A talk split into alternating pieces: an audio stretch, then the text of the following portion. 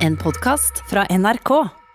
Det kommer en ny avis i Oslo. Ikke på gaten riktignok, men en ny nettavis i dag. Avisa Oslo er på nett, og den har publisert sine første reportasjer.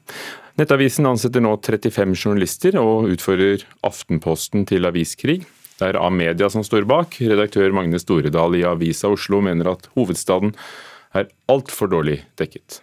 Det er en bakgård som, som, er dårlig betjent. Oslo er faktisk en bakgård hva angår nyheter.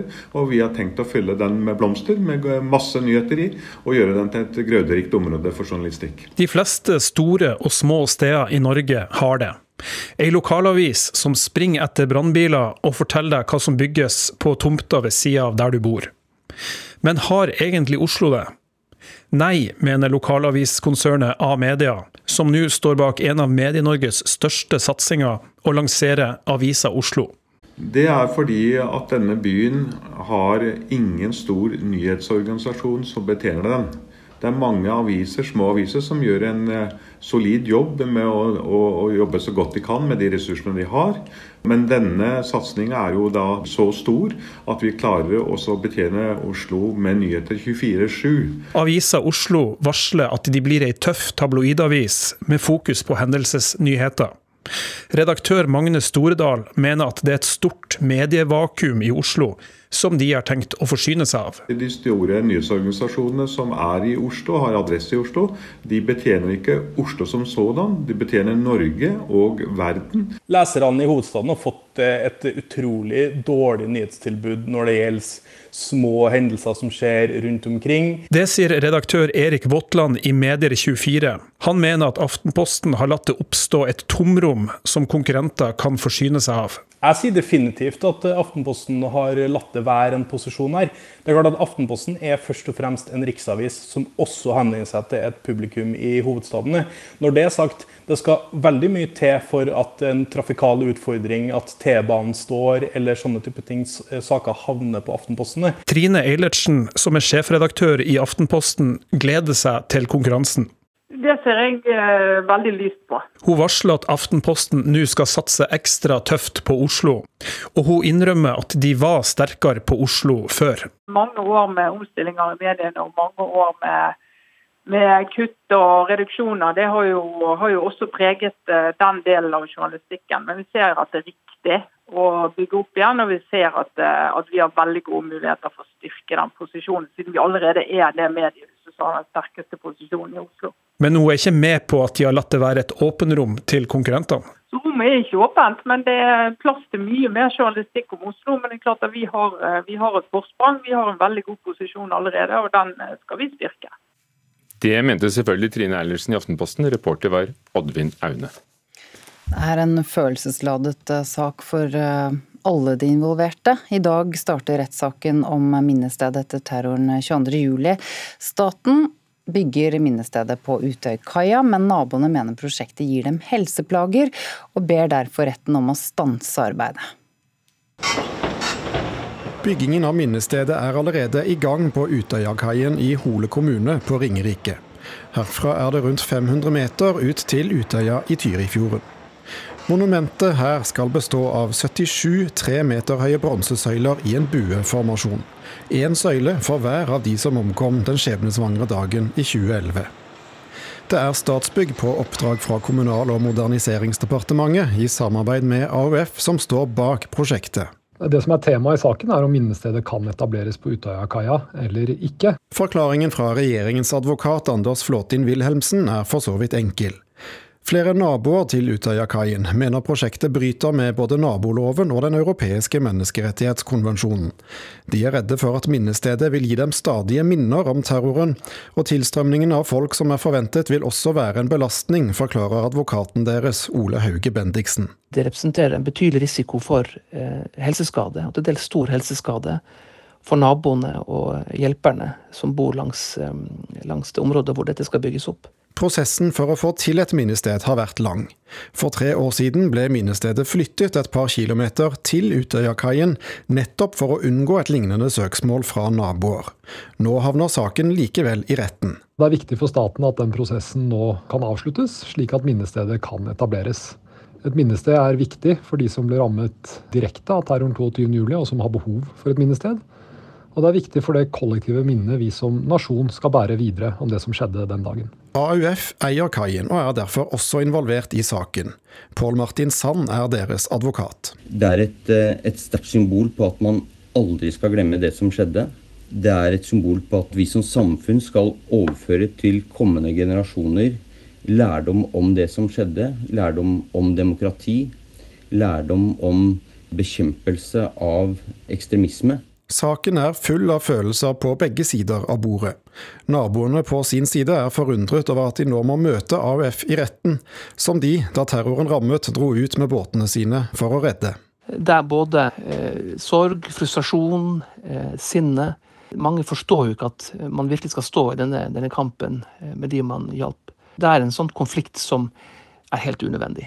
Dette er grupperinger som bør ha omsorg for hverandre? Jeg tror vi må erkjenne at eh, både blant eh, etterlatte, overlevende, men også redningsmenn og naboer, alle som opplevde og fikk veldig tett på kroppen 22.07, så er det mange som fortsatt eh, sliter med traumer fra det.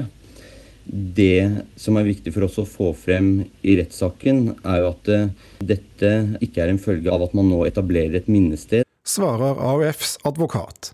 Naboene forstår ønsket om ro rundt saken. Men behovet for at vi nå eh, ivaretar helseaspektet på en forsvarlig måte, det er det som veier tyngst. Sa naboenes advokat Ole Hauge Bendiksen. Denne rettssaken går i Ringerike tingrett de neste to ukene, og reporter var Thomas Alverstein Ove. Det er klart det måtte bli musikal når du har en skjebne som den til Alexander Hamilton, som var en av USAs eh, landsfedre, founding fathers, den første finansministeren, sentrale frigjøringskampen, og ikke minst så sto han for landets første sexskandale, og så ble han drept i en duell. Og da ble det musikalen Hamilton av den historien. Get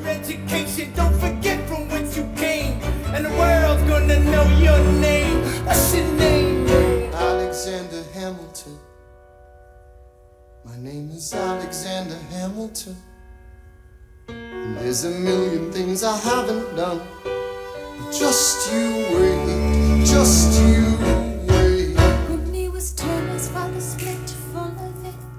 Siden den hadde premiere off-Broadway og så ble flyttet til Broadway for fem år siden, er dette blitt en av de store suksessene i eh, New Yorks musikalverden. Og nå har Disney Pluss den nye strømmetjenesten betalt 75 millioner dollar, altså 750 millioner kroner, for å rettighetene til å filme Hamilton, som er skrevet av Linn Manuel Miranda.